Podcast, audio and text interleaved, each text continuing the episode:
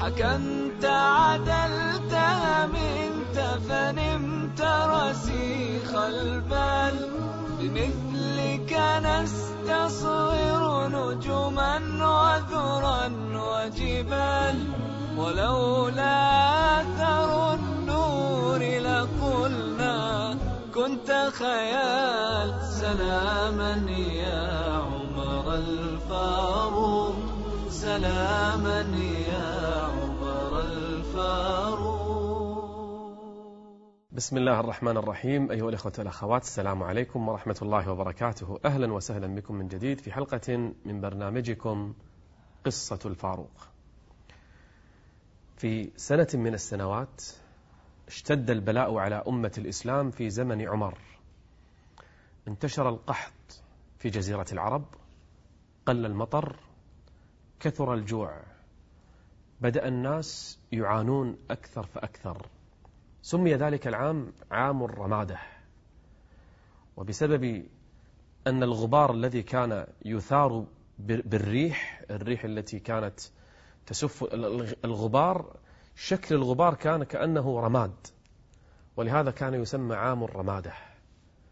جاع فيه الناس مات فيه الكثيرون صارت يعني مأساة بالنسبة لمدينة رسول الله صلى الله عليه وسلم. بدأ الناس يتوافدون من خارج المدينة. فقراء جياع هلكت شياههم هلك مرعاهم. كل واحد يدخل إلى المدينة يبحث عن طعام يأكله. بدأ عمر رضي الله عنه يشعر بأن الأزمة بدأت تشتد. فجاء بعض الأعراب حطوا خيام حول المدينة. من يخرج يتصدق عليهم شيء من بيت المال يعطونهم و... فأمر عمر بن الخطاب هؤلاء الأعراب أن يدخلوا داخل. تعالوا في الضواحي بين البيوت. انصبوا خيامكم. لأن عمر كان يقول لأهل المدينة نأكل كما يأكلون ونشبع كما يشبعون. يعني نتقاسم أموالنا مع أموالهم. أول قرار اتخذه عمر وقد اتخذ ستة قرارات في ذلك الوقت. أول قرار أن يبدأ هو بنفسه. قال لا آكل حتى يشبع جياع المسلمين بل أقسم عمر أقسم أن لا يأكل بعض أنواع من الطعام كاللحم وغيره حتى يشبع الفقراء فقراء المسلمين. وفعلا هذا الذي فعله عمر. يوم من الأيام قربوا له طعاما قال ما هذا؟ قالوا كل يعني أنت ضعفت. قال بئس الوالي أنا إن أكلت ولا زال الجياع يشتكون. عمر بدأ بنفسه بدأ بأهل بيته بدأ يطبق هذا القرار على نفسه قبل أن يبدأ على غيره من الأغنياء والتجار وممن يملكون. ولهذا عرف الناس أن الرجل صادق. ولهذا ما رأوه يأكل وهم مثل ما تقول إحدى ملكات هذا الزمن. لما شافت الشعب ثار عليها الشعب جايع خبز ملاقي ياكل. ما عنده خبز يأكله. فخرجت من الشرفة قالت ما تريدون؟ قالوا نريد خبزا. فقالت لي وزيرها ما عندهم خبز؟ قال لا. قالت ليش ما يأكلون بسكويت؟ لأنها ما تدري عن شيء. هي ما تشعر بمعاناتهم ما تفهم. هذا ما عندهم خبز علشان عندهم غيره. عمر جاع أكثر من جياعهم في ذلك الزمان في عام الرمادة. أول قرار اتخذ عمر أنه يبدأ بنفسه. سلاما يا عمر الفاروق سلاما يا عمر الفاروق القرار الثاني الذي اتخذه عمر بن الخطاب في عام الرمادة أن يبني معسكرات. علم أن الناس الذين سيأتون إليه من من البوادي ومن الصحاري سيكثرون. فبدأ يبني معسكرات عند المدينة. أول من سكن هذه المعسكرات بلغ عددهم سبعة آلاف إلى ثمانية آلاف واحد.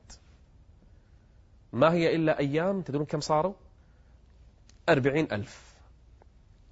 مرت الأيام وصلوا ستين ألف واحد في معسكرات حول المدينة. من الذي أنشأها؟ عمر رضي الله عنه.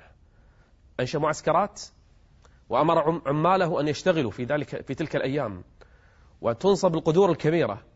الطعام اللي في بيت المال اللي يجبأ من الخارج على طول يطبخ في هذه القدور ويوزع على الناس بالتساوي عشان لا يجوع أحد ولا يموت أحد.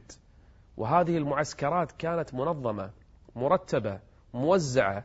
وعنده عمال كما يقول أبو هريرة ما كانوا ينامون ليلا ولا نهارا.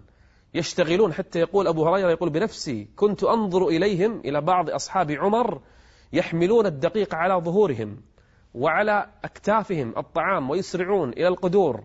هذا يطبخ هذا يوزع هذا يحمل هذا يخزن هذا يشرف هذا عمر بنفسه كان يشرف على هذه المعسكرات. ثلاثة عمر بن الخطاب رضي الله عنه أرسل رسالة عاجلة إلى كل عماله في الأمصار. عمرو بن العاص في مصر أبو عبيدة في الشام هناك أبو موسى الأشعري. هناك كل واحد من عماله من ولاته أرسل إليهم رسالة لأن القحط صار في الجزيرة مو في كل مكان. فأسرعوا كلهم أسرعوا إليه بقوافل اللي أرسل له ألف بعير بأقتابها وأحلاسها واللي أرسل له سفن على البحر. تسير بالغذاء والذي أرسل له يعني جاء المدد من هذه الدول كلها لأن عمر عنده يعني قرارات صارمة ما في الناس تموت جوعا فأرسلوا إليه الطعام فأدركوا به أهل المدينة.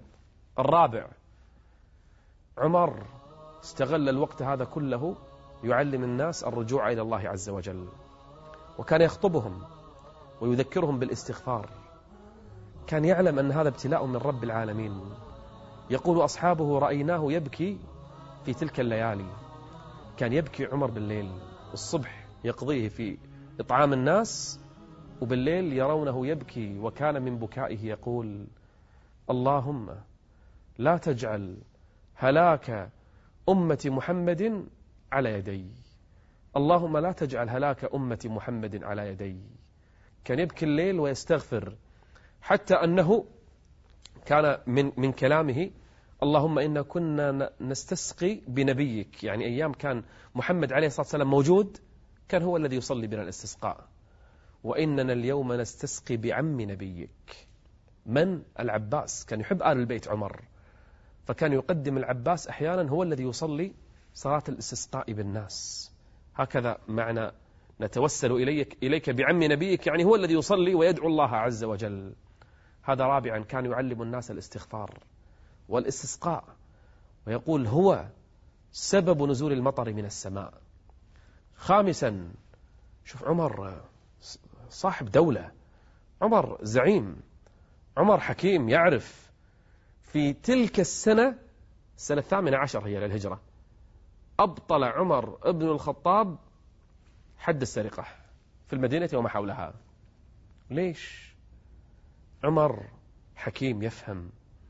في ذلك الزمان الناس ميتة من الجوع.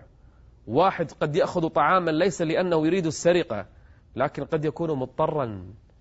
فلهذا ما أراد عمر أن تشوب هذه يعني يشوب هذا الحد شبهة من الشبهات ادرأوا الحدود بالشبهات. ولهذا أمر يعني القضاة في المدينة وما حولها مما القرى والمدن التي أصابها الجوع والقحط في عام الرمادة أن يوقفوا هذا الحد. حتى تنتهي هذه الأزمة ويكشف الله عز وجل البلاء من أمة محمد صلى الله عليه وآله وسلم. أما القرار السادس الذي اتخذه عمر بن الخطاب رضي الله عنه فإنه أخر الزكاة في تلك السنة لأن الناس كانوا أصلا يتصدقون والناس كانوا أي أصلا يخرجون أموالهم والناس اشتركوا حتى في الطعام والشراب والمسكن والملبس وكل شيء. ولهذا أخر سعاته عمر رضي الله عنه في تلك السنة لأن الأزمة أكبر من أننا نلزم الناس بشعيرة مثل هذه الشعيرة. عام الرمادة بدأت في تلك السنة ثم انجلت ورزق الله عز وجل المسلمين الأمطار. حتى يقال أن عمر أثناء صلاته في الاستسقاء كان يستغفر الله ويبكي ويستغفر الله ويبكي ويستغفر الله ويبكي. يقولون ما نزل عمر إلا وقد أرعدت السماء ونزل المطر وأغاث الله عز وجل الناس وجرت الأرض بمائها وأحيا الله الأرض بعد موتها. عام الرمادة كان اختبارا لعمر في إدارة الدولة لكنه نجح. ونجح بامتياز فأنقذ الله عز وجل به الأمة وكان نعم القدوة إذ جاع قبل أن يجوع الناس وما شبع حتى شبع فقراء الناس فرضي الله عن عمر ورحمه رحمة واسعة وجمعنا به في جنات النعيم. نلقاكم بإذن الله عز وجل في حلقة مقبلة من قصة الفاروق استودعكم الله والسلام عليكم ورحمة الله وبركاته.